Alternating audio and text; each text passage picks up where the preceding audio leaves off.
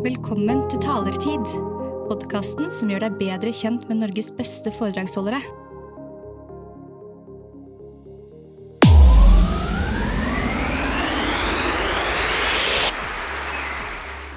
Wow. Vigdis Lamberg, du har skrevet Karriereboken.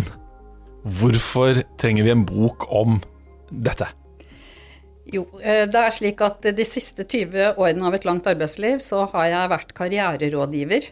eh, Og sammen med teamet mitt levert eh, kurs både til Nav tiltak mange steder i landet, og til enkeltpersoner som er i karriereendring, og også til selskaper som legger inn det man ofte kaller opp placement, eller et karriereendringsprogram, i en sluttpakke.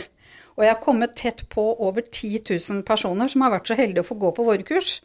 Men så er det alle de som ikke kommer på våre kurs, og som får altfor dårlig informasjon i forhold til hvordan folk ansettes i eh, arbeidslivet i dag, og hvordan man rett og slett skal posisjonere seg selv om man vil videre, enten om du vil utvikle deg der du er, eller om du vil videre et annet sted. For nå lever vi i en verden hvor de færreste jobbene lyses ut, og da nytter det ikke med myke albuer. Så for å nå enda flere med det glade budskap, så har jeg altså eh, ja, rett og slett delt eh, metodene som jeg vet fungerer, mellom to permer, og kalt det for Karriereboken. Og La oss starte da med bedrifter eller virksomheter som da ansetter. Hva er de mest opptatt av når de skal inn i dette landskapet? Hva er din erfaring? Hva, hva lurer de mest på? Altså Én ting er, når de ansetter. Der er det jo veldig fokus nå på såkalt employee branding, og det jobbes mye med å gjøre seg attraktive for arbeidstakere. Men det jeg er mest opptatt av, det er hvordan en arbeidsgiver agerer når de skal si opp folk.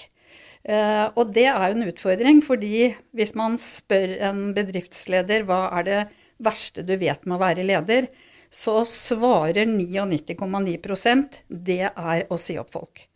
Eh, og fordi det er ubehagelig, så er mange opptatt av ja, de skal følge boka, de skal følge arbeidsmiljøloven, men det skal gå fort. eh, Sånn at man blir ferdig med noe som ofte skaper støy, og som er ubehagelig for alle involverte.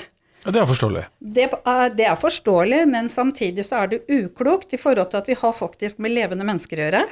Og mennesker er forskjellige og reagerer forskjellig.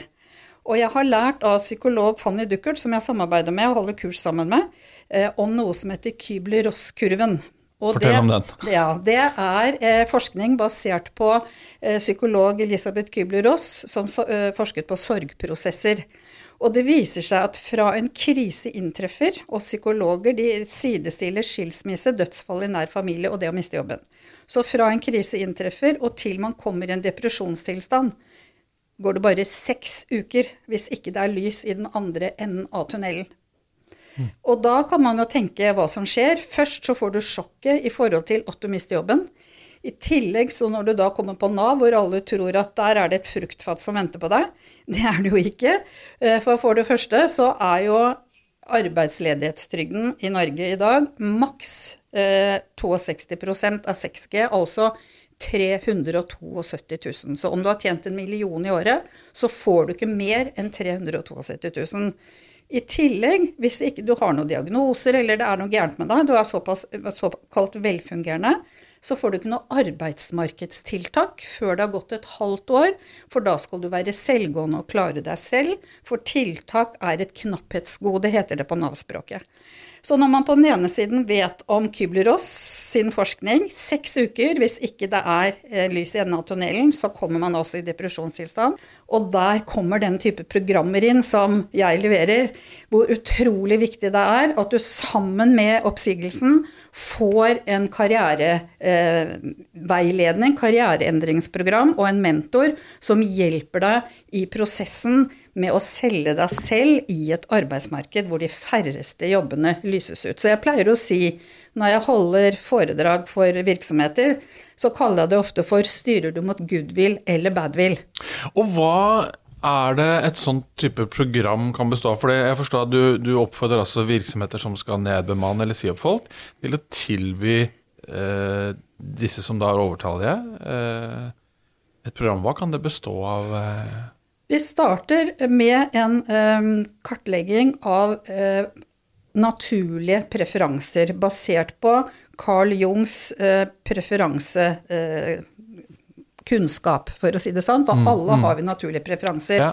Og den preferansen som er mest kjent blant folk flest, det er såkalt forskjellen på introvert og ekstrovert. Den introverte eh, blir ofte sliten hvis du må forholde deg til mange mennesker, og henter energi ved å være alene, mens den ekstroverte får masse energi av å sam være sammen med andre mennesker. Så er det tre andre dimensjoner. Men når man da er i en fase hvor man skal velge en ny vei i karrieren, så er det jo veldig lurt da, å være bevisst på at ok, jeg blir sliten hvis jeg må være sammen med mange folk over lang tid. Da skal ikke jeg ha en jobb i en resepsjon hvor jeg må forholde meg til folk hele tiden.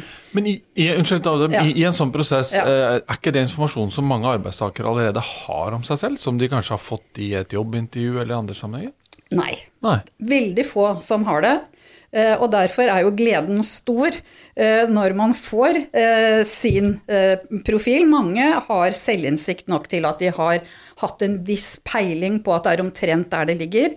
Men sammen med den analysen som da gjøres, så får man jo et veldig veldokumentert materiell, sånn at man virkelig kan fordype seg i både egne preferanser og ikke minst også andres preferanser. For man får i den prosessen en større forståelse for ulikhet eh, hos andre mennesker, sånn at man kanskje blir en enda bedre teamplayer og enda flinkere til å håndtere eh, ulike situasjoner som man kommer i. Så Så det en er starten. analyse er starten, ja? Det er starten. Det er første. Da, da vet man hvilken retning man skal i forhold til naturlige preferanser. Så er det en kompetansekartlegging. Og de aller fleste, når jeg begynner å snakke om eh, matrisen du skal fylle ut for å få en oversikt over alt du kan, så sier de ja, men det vet jeg, Vigdis. Jeg har jo en CV tross alt, jeg vet jo hva jeg har gjort. Jo, men allikevel, det er en ganske bra bevisstgjøring. Eh, Så en del av prosessen er faktisk å fylle ut denne kompetansematrisen, og da skal man starte helt tilbake om du gikk med aviser som tolvåring alle verv og eh, både betalte og ubetalte jobber. Og dissekere det etter et eh, gitt mønster, sånn at du virkelig får en oversikt over hva slags øh, roller har du faktisk hatt? Er det små eller store selskaper, nasjonalt, internasjonalt osv.? Eh, hvilke arbeidsoppgaver har du utført? Og det kan jo være veldig forskjellig fra jobb til jobb. De fleste husker hva de gjorde i den siste jobben, men kanskje ikke hva de gjorde i jobben for ti år tilbake. Og så hvilke eh, kompetanser brukte du for å utføre disse oppgavene? Det kan også være forskjellig fra jobb til jobb. Og sist, men ikke minst, hvilke av egenskapene mine og verdiene mine var viktig i den jobben. Og når du får den oversikten, for det første så blir folk veldig Wow, jeg kan jo faktisk mye mer enn jeg trodde. Eh, I tillegg til at det er en veldig bra guide i det øyeblikk du skal tilpasse en CV og en søknad. For da skal du dissekrere den jobben du søker på på samme måte. Og så går du bortover da på dette Excel-arket som du har fylt ut, og så ser du hvor er det jeg har gjort tilsvarende ting før? Merker du det med en farge? Eh, Hvor brukte jeg tilsvarende egenskaper? Hvor brukte jeg tilsvarende kompetanser? Og da får du en guide i forhold til hvordan du skal tilpasse CV og søknad, sånn at leseren tenner på det, for at du har klart å pinpointe den delen av kompetansen din som er særlig interessant for dem, i det første avsnittet i søknaden og på forsiden av CV-en. For vi snakker om en femsekundersregel, akkurat som journalistene gjør når de skal lage klikkbare headinger. Det må vi også tenke på når vi skal skrive CV og søknad. Og hvor mange arbeidsgivere er det som faktisk tar det arbeidet og den kostnaden med å lage et ordentlig sånn program? For det er jo en ressurskrevende oppgave, vil sikkert mange ledere si. Ja, det er det. Og eh, det er veldig få, om noen, som ser seg tjent med at de gjør det selv. Men eh, det verste er jo at man ikke skjønner fordelen også for virksomheten ved at man gjør det. Fordi på den ene siden, jeg syns det er interessant å se Det virker ikke som det er kommunikasjon mellom HR-avdeling og markedsavdelingen. Det brukes også millioner av kroner hvert år på å bygge merkevare i eh, virksomhetene. De har egne PR-rådgivere, kommunikasjonsspesialister. Mens HR-avdelingen de får lov til å holde på akkurat som de vil, og særlig i oppsigelsesprosesser. Eh, det blir støy internt. Den som får oppsigelsen, er kanskje ikke forberedt på det. Eh, blir bitter og tenker 'jeg som har gjort så mye for dette selskapet', og så skulle jeg få, få, få sparken. Og det blir masse støy. Både Altså, Norge er et lite land. Man snakker negativt om arbeidsgiveren, som man Absolutt. kanskje elsket ja. tidligere. Mm. Og de som er igjen, tenker på kollegaene eller kollegene sine som å, han som nettopp har fått barn, eller de har akkurat kjøpt seg nytt hus. Sånn at de som er igjen og skal prestere, det blir støy blant dem også. Så det å eh, hjelpe folk ut igjen på en sånn måte at de snakker pent om arbeidsgiveren, det er et mål, syns du? Det er et mål både ut fra et humant perspektiv, at du faktisk hjelper vedkommende med å få raskt jobb, men ikke minst så er det good for business. Ja. Fordi du beholder goodwillen istedenfor at det blir mye støy. Og jeg vil sitere en arbeidsrettsadvokat som jeg samarbeider med, som jeg også har intervjuet i, i karriereboken. Han heter Ole André Oftebro. Uh, og han sier at de kundene som uh, legger inn et karriereendringsprogram i sluttpakken, der blir det mye mindre støy i hele prosessen. Man slipper at det rasles med sabelen i forhold til arbeidsrettssaker. Og så er det så viktig å komme i gang med jobbsøkingen mens man fortsatt har styrefart. For den mister man veldig fort hvis prosessen er sånn som det dessverre er for veldig mange. Ja, man har en oppsigelsestid. Eh, noen ganger så slipper man å jobbe. Eh, og så går man i et slags eh, vakuum. Man lurer på hva skal jeg gjøre nå? Ja, man begynner kanskje å titte litt på finn.no, hvor bare ca. 20-25% av jobbene ligger. Begynner å tenke på hva skjer med økonomien min nå? Unger som blir sure for de får ikke nytt slalåmutstyr allikevel, sånn som de er vant til. Altså, det er mange ting som skjer. Eh, så i stedet for å lukke igjen døren bak folk, og at de kommer ut i det sorte hullet, la de få begynne med jobbsøkprosessen og få støtte i det av profesjonelle folk, sånne som meg, eh, gjennom eh, prosessen mens de er i oppsigelsestiden. For da er sjansen stor for at de har ny jobb før oppsigelsestiden er over. For de kan da holde på mens de fortsatt har styrefart. For man går ut fra hva vi har lært om Kybler-Ross-kurven, fort i kjelleren. Der vil vi ikke være. Der vil vi ikke være. Så det er good for business. Men hente ting i kjelleren innimellom. Ja, jo da, det kan du si. Du og jeg har vært ute noen vinternetter før, og min erfaring er i hvert fall at, eh, og du var inne på det i stad, når et selskap skal si opp en person, eller flere, så er man ofte litt ferdig med den personen, og man vil gjerne få den personen ut. Og trenger ikke ha noe med den personen å gjøre eh, med personlige egenskaper, men det er noe med at det er praktisk å ikke ha personer gående for lenge som er på vei ut. Har du noen erfaring eller noe tall på hvor ofte det er for arbeidstaker at man gjerne vil slutte raskt, kontra det å stå f.eks. tre måneder etter en oppsigelse? Det er veldig individuelt, og det kommer helt an på hva som er bakgrunnen for at vedkommende da må gå. Ja, la oss si det er en um, nedbemanning pga. manglende etterspørsel, mm. som noen opplever nå i disse dager.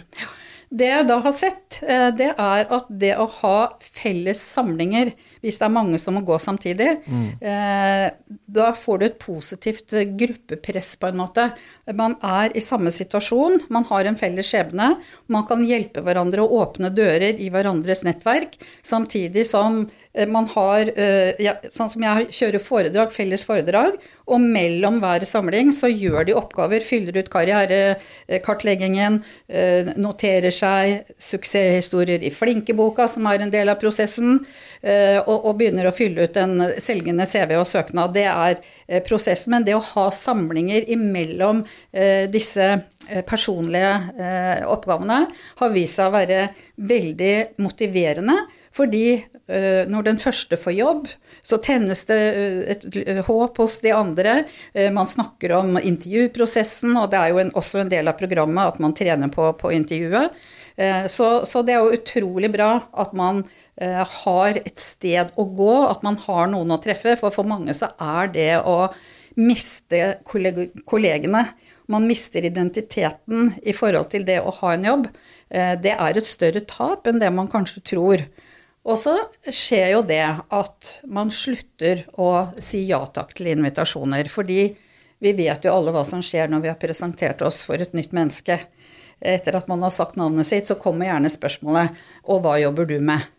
Eh, og de som da ikke har noe jobb, eh, de syns det er ubehagelig.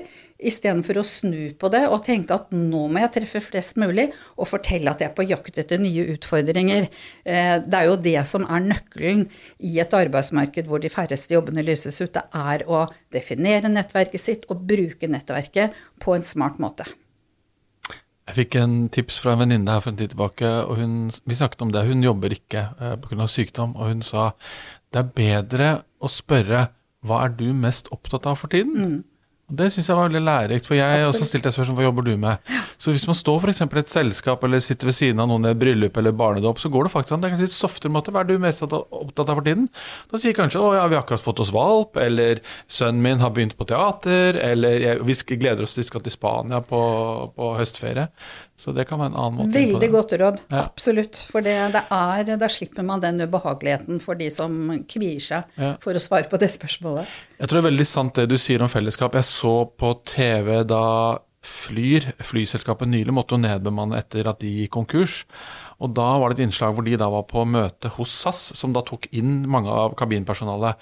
Og det virket som de hadde en slags fellesskapsfølelse. De var alle i samme fly, eh, båt. Mm. Eh, og så var det da både SAS og Norwegian sa 'kom til oss, vi er interessert'. Og så var det møter og foredrag og, og intervjuer og sånn. Og det virket som det var en oppløftende aktivitet i den tross alt litt vanskelige tiden da, som mange hadde. Mm, og det gir jo veldig sterke synergieffekter. Eh, og det som er interessant å se også, jeg hadde en kunde hvor halvparten ble nedbemannet, hvorav noen også var mellomledere. Og de var litt skeptiske til om de skulle gå på det samme karriereendringsprogrammet som medarbeiderne deres, eh, men det rådet jeg dem til å gjøre. Og det var nesten som å slå på en bryter, for plutselig så var hierarkiet borte.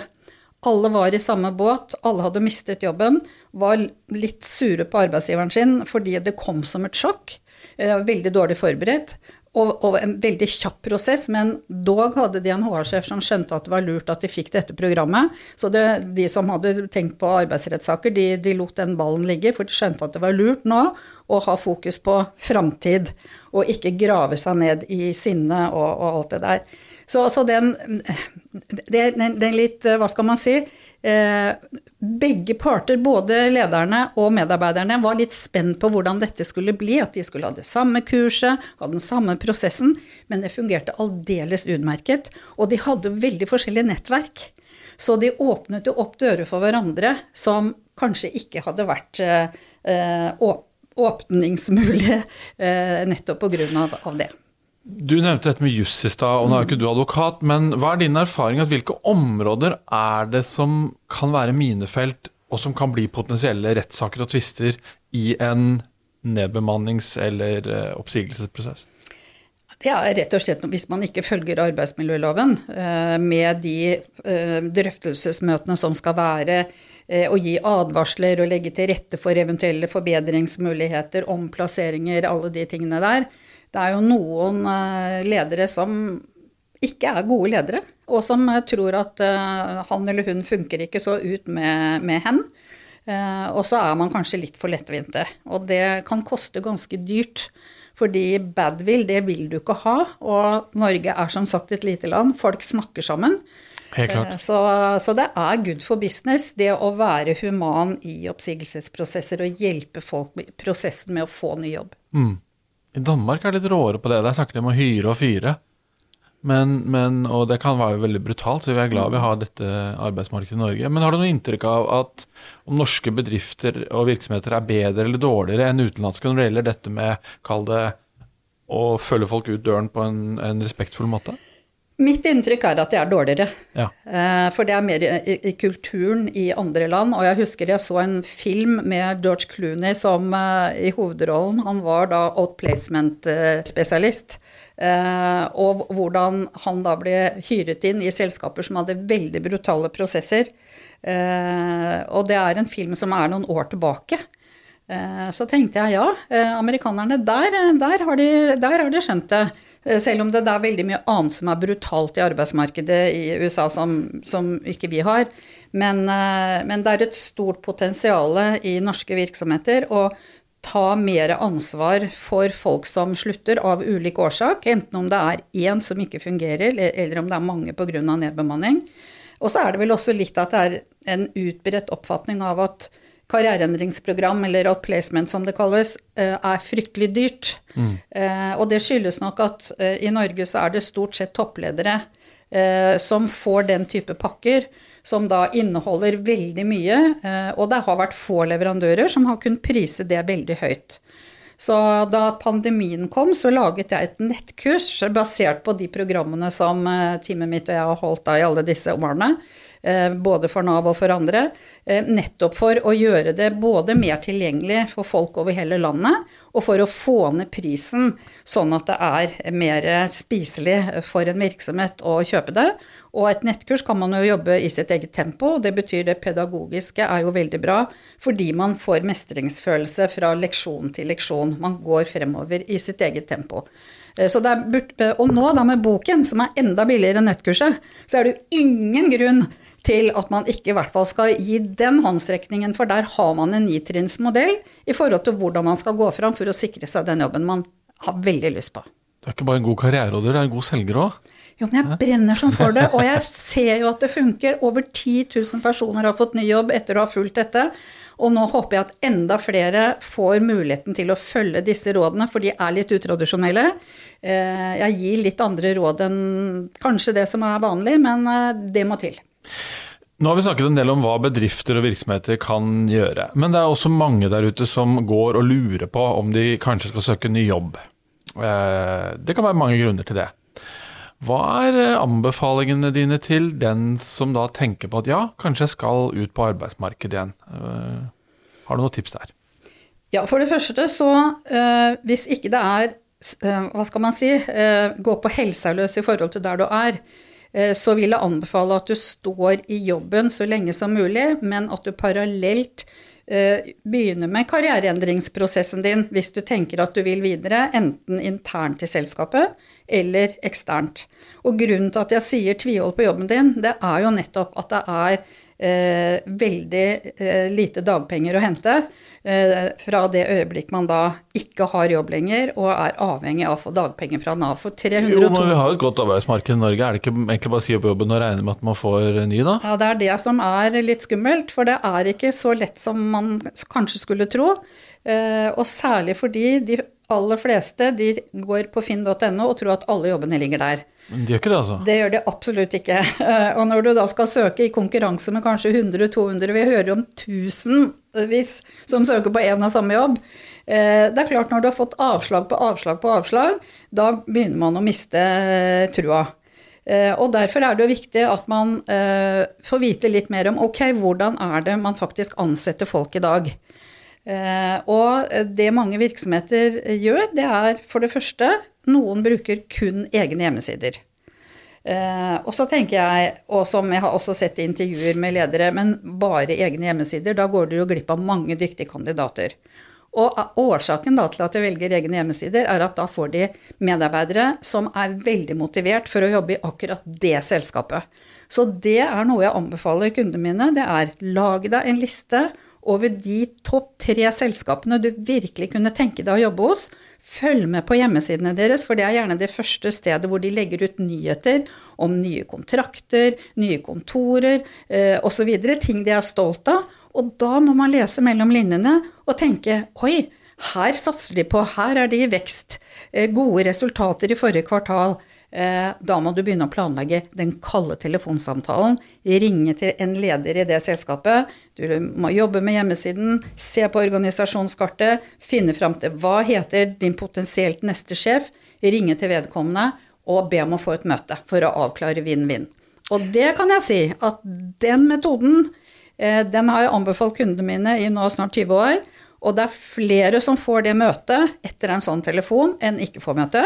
Og det er flere som får jobb enn ikke får jobb. Jeg er glad for å høre det. Jeg blir innimellom kontaktet av unge personer som vil spørre om råd og. Jeg har også undervist, jeg kjenner ganske mange unge. Og noen ganger så skriver de sånn Jeg tenkte jeg skulle slenge inn en søknad her. Da sier jeg nei, det skal du ikke gjøre. Å slenge inn en søknad, det er bare bortkastet tid. Mm. Snu på det og gjør som du sier. Altså, velg ut hvor er det du kan tenke deg å jobbe. Og hvis du skal søke, så jobb for all del ordentlig med den søknaden. Ja. Sørg for at den er skikkelig god. Ja. Jeg også, det er sikkert Du har også mottatt jobbsøknader hvor det står et annet navn på søknaden enn, enn selskapet osv. Så, videre. ja. så du som hører på, driver og slenger ut søknader søknader øst og vest, det er vel bortkastet tid, er er det ikke det? Så absolutt. Og så er det dette også med at man ikke skal bruke en standard CV og en standard søknad. At det virkelig er tilpasning til den enkelte virksomhet. Jeg sitter jo bl.a. i eh, CV- og karriereteamet til NITO, som er en ingeniørorganisasjon. Og alle som sender inn sine CV-er og søknader der for å få de kvalitetssikret, har jo utdanning på bachelor- og masternivå. Og selv de med så mye utdanning, du verden hvor mye dårlige CV-er og søknader. For mm. det er jo ikke en del av studiet, tydeligvis, å lære å selge seg selv. Og det er jo rett og slett det man må. Man må lære kommunikasjonsstrategier, man må tenke som en journalist ut fra femsekundersregelen og hekte på leseren. Og tilpasse CV og søknad hver eneste gang, for det skinner igjennom om du copy-paster. Et spørsmål der når det gjelder da eh, hvor pågående man skal være. Fordi hvis du da er en arbeidssøker, og skal søke jobb i en virksomhet som da har stilling ute, så er det et slags ubalansert forhold. Det er en travel, eh, ettertraktet leder som da skal møte en eh, kanskje person med god tid, og som har mindre erfaring. Hvor, hvor mye skal man følge opp på e-post, SMS, telefon før det blir eh, mas? Det er et godt spørsmål. Um, og så er det jo noe med hvis du da skal følge opp, hvis du f.eks. skal ta en telefon før du søker på en utlyst stilling, så er det viktig at du har et intelligent spørsmål eller to. At ikke du spør om noe du kunne ha lest deg til på egen hånd på hjemmesiden, eller som faktisk står i annonsen. Eh, da selger du deg faktisk ut. Men hvis du har et, eh, et, par kloke spørsmål som viser at du virkelig har satt deg inn i virksomheten, og at du, er, du, du ved spørsmålsstillingen din eh, får vist at du faktisk har kompetanse som er relevant i forhold til den stillingen, og prøv gjerne også å posisjonere deg for å få et intervju før alle andre, fordi at du kanskje du skal på ferie osv. Så, videre. så her må man bare være litt smart. Vi hadde besøk av Stein Erik Mellemsæter her i podkasten for noen uker siden, og han snakker om forhandlinger. Og han sier jo vær, vær den som kommer med tilbudet først. Og Det ligner kanskje litt på det. Hvis du sitter der og skal vurdere 100 søknader, og så er det en som kommer inn dagen før, eller et møte dagen før, så er man kanskje litt høyere oppe i bunken, da. Ja, så man må være på. Eh, alle arbeidsgivere liker folk som er på. Så det å f.eks. en annen kilde, da, bare for å gå videre med kilder til ikke utlyste stillinger. Vi har snakket om eh, selskapets hjemmesider og så er det intervjuer med næringslivsledere. Eh, bak ethvert intervju i en avis med en leder som får lov til å fortelle om noe som er positivt, så ligger det utrolig mye kommunikasjonsjobb bak. Eh, det er en grunn for at kommunikasjonsselskaper eh, lever av akkurat den type råd. Eh, og grunnen til at det er stas å få et intervju i en avis, det er jo at det man leser på redaksjonell plass, det har mye høyere verdi enn betalte annonser. Mm. Og grunnen til at de da lar seg intervjue, er jo at de vil bli sett. De vil bli kontaktet. Ja, de vil gjerne ha nye kunder, men også få riktige kandidater. Og det er jo en av grunnene til at eh, Nicolai Tangen, eh, leder for oljefondet, er så aktiv på LinkedIn. Det er en helt klar strategi i forhold, eh, i forhold til at de ønsker å tiltrekke seg flinke kandidater til stillinger. Og da har han valgt å bruke en veldig personlig stil på LinkedIn for å rett og slett gjøre det interessant å jobbe i oljefondet. Sønnen til en venn av meg skrev melding via LinkedIn til Tangen og fikk et veldig hyggelig svar. Og det fortalte jo faren om. Vet du hva som skjedde? ikke sant? Man tenker at det gjør man ikke. Men det leder meg inn på da nettopp LinkedIn, fordi eh, mange vil jo si at det er helt alfa og omega å ha en god LinkedIn-profil og det å være aktiv på LinkedIn. Hvor viktig er LinkedIn i en jobbsøkeprosess, eller for å gjøre seg attraktiv for en virksomhet? Det kommer helt an på hva slags type jobb du skal ha. Eh, er du drosjesjåfør eller jobber i butikk, eh, den type jobber, er jo ikke LinkedIn et så aktuelt sted å være. Men fra et visst nivå så er det helt avgjørende mm. å være på LinkedIn. Ikke bare for å være synlig selv, men du verden så mye inspirasjon og så mye kunnskap man får ved å følge med på LinkedIn. Det har jo blitt en arena for kunnskapsdeling, i tillegg til at det er gefundenes fressen for enhver som skal ansette. Jeg har selv jobbet som headhunter en periode, og hadde det ikke vært for LinkedIn, så hadde det vært en fryktelig vanskelig jobb. Og jeg har selv også fått telefoner fra headhuntere. Og jeg må jo innrømme at selv om jeg da satt i en veldig bra jobb, jeg var veldig fornøyd, jeg var overhodet ikke på jobbjakt, men når jeg får da telefon fra en headhunter som sier at jeg har sett på profilen din, og vi har en kunde som jeg tenker at din profil er midt i blinken, kunne vi ta en kaffe eh, bare for å se om dette kan være noe for deg å snuse videre på? Eh, og, og, folk syns at det er litt stas. Man blir smigret av det. Man blir smigret, mm. ja. Og derfor heter det ofte i rekrutteringsbransjen at den dyktigste kandidaten er ikke jobbsøker. Det er litt urettferdig, selvfølgelig er det det, men det viser bare at det å bruke LinkedIn som en, eh, et ledd i en prosess, selv om man har utlyst stillinger Man søker alltid på LinkedIn for å se om det er noen kandidater der ute som egentlig sitter bra i en jobb fra før, men som man kanskje kan friste over hvis eh, rekruttereren syns at dette er en spennende profil i forhold til den jobben. Men trenger man CV hvis man har LinkedIn? Så absolutt. Hvorfor det? Eh, jo, eh, det er noe med prosessene da, for de som ansetter. Eh, og jeg må tilbake til Nicolai Tange når jeg følger med på hans eh, LinkedIn-profil. Og for noen uker siden så hadde han et bilde av to store ringpermer som han hadde med seg hjem for å lese 400 CV-er i helgen. Eh, og han fikk pepper for det, for eh, man skal jo ikke printe ut ting lenger. Men han, som veldig mange andre, liker å lese CV. Eh, og særlig de man sitter igjen med notere litt, kanskje. Og notere litt, ja. Mm, og, og, og, og, mm. sortere i A- og B- og mm. C-bunker. Ja. Så, så, Og det er verdt å bruke tid på en tilpasset CV, selv om du da også søker på en jobb hvor man bruker disse ulike datasystemene hvor du må fylle inn, og det er jo noe hassle. Mm. Men grunnen til at de ønsker at du skal fylle inn, det er at de, gjør det enkelt for dem å sortere på de stikkordene de har valgt å bruke når de skal sortere kandidater fra hverandre. Og jeg har ofte hatt rekrutterere som gjesteforeleser på kursene våre, og det alle sier, det er vi er egentlig ikke så veldig glad i det systemet, men vi må ha det pga. sorteringsmekanismen. Så eh, hvis det er mulig å legge ved din egen CV, så gjør det. Eh, og det er et råd som er verdt å, å, å merke seg. Og ikke bare en standard-CV, men en tilpasset CV. Hva er det beste karriererådet du har fått opp gjennom eh, ditt jobbliv? Vær ærlig, eh, men ha trua. Tro på deg selv. Bort med de grønne krokodillene. Hva var det? Ja. Eh, det er en metafor jeg har brukt i mange år med stort hell. Og det skriver seg fra en episode som skjedde da jeg hadde min dag nummer to på jobb som ny markedssjef på det private sykehuset Volvat medisinske senter. Da banker det på døra, og der står psykiateren. Og så sier han eh, nå som du skal markedsføre våre tjenester, Vigdis, så er det viktig at du vet hva alle avdelingene gjør. Så derfor vil jeg gjerne at du skal være med på et forsøk, sånn at du vet hva vi gjør. Er du villig til det? Og jeg sa ja, uten at jeg visste hva jeg gikk til. Jeg lurte på skal han ta MR av hodet mitt, eh, ledninger på hodet. Nei, eh, vær så god, sitt, sier han. I løpet av de neste to minuttene kan du få tenke på akkurat hva du vil, bortsett fra én ting. Du får ikke lov å tenke på en grønn krokodille. Er du klar?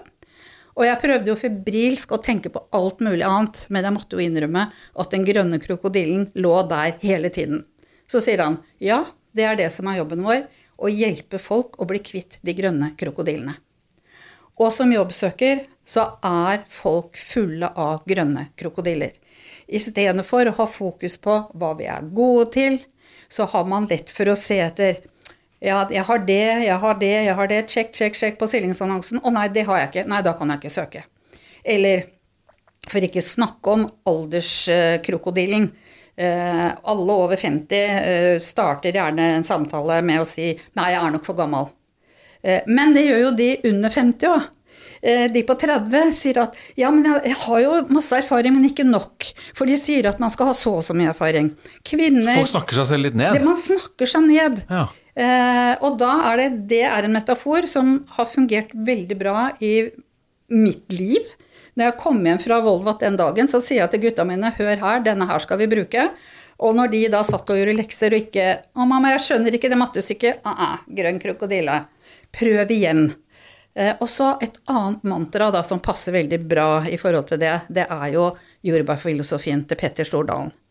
Eh, historien er at han som tolvåring satt på torget i Porsgrunn for å selge jordbær for faren sin, som var kolonialhandler, eh, og kommer slukuret hjem igjen, for han hadde ikke solgt noen bær. Og da sier eh, faren til Petter du må selge de bæra du har, gutten min, for det er de eneste bæra du har å selge. For Petter mente at de andre jordbærselgerne hadde bedre bær enn han. Og det er også noe av det man må tenke på som jobbsøker. Du må selge de bæra du har, for alle er vi som en diamant. Og diamant har mange fasetter. Eh, og tenk deg da en stillingsannonse som altså skal beskrive en jobb 365 dager i året og så skal de prøve å gjette, for det er jo tidenes gjettekonkurranse. De skal prøve å gjette hvordan ser den personen ut som optimalt kan gjøre den jobben. Altså, og hvis, hvis ikke de har gjettet riktig de, ante jo ikke at det fins en sånn diamant med de fasettene som du har. Så da blir jo jobben din bort med de grønne krokodillene, ja, du har ikke prosjektstyringsverktøyet Safran, men du har Microsoft-prosjekt, eller du har et annet, ikke sant? Selv de bæra du har. Og det er jo det som er clouet. Er du overbevist om at du er den riktige til den jobben, da er det der slaget står. Det er det du må få, få smitte over den overbevisningen da, til den som skal ansette. For de må føle en trygghet i forhold til Tenk deg alt de skal betale da av lønn, pensjon, forsikringer osv. Det er klart at du er nødt til å få fram eh, elementer med deg, og gjerne det vi kaller for unique selling point. Hva er det som skiller deg fra de andre flinke folka som søker på den samme jobben? Du må prøve å tenke på hva er det du har som kanskje andre ikke har. Og det kan godt være noe som ligger utenfor et typisk karriereløp. Det kan være at du har vært styreformann i borettslaget, den type ting. Så selg de bæra du har, og bort med de grønne krokodillene. Takk for at du lytter til Talertid. Du kan lese mer om denne episodens gjest på talelisten.no. Har du spørsmål eller ønske om en gjest vi bør snakke med? Send en e-post til nils at talelisten.no. Talertid bak scenen med Norges beste foredragsholdere.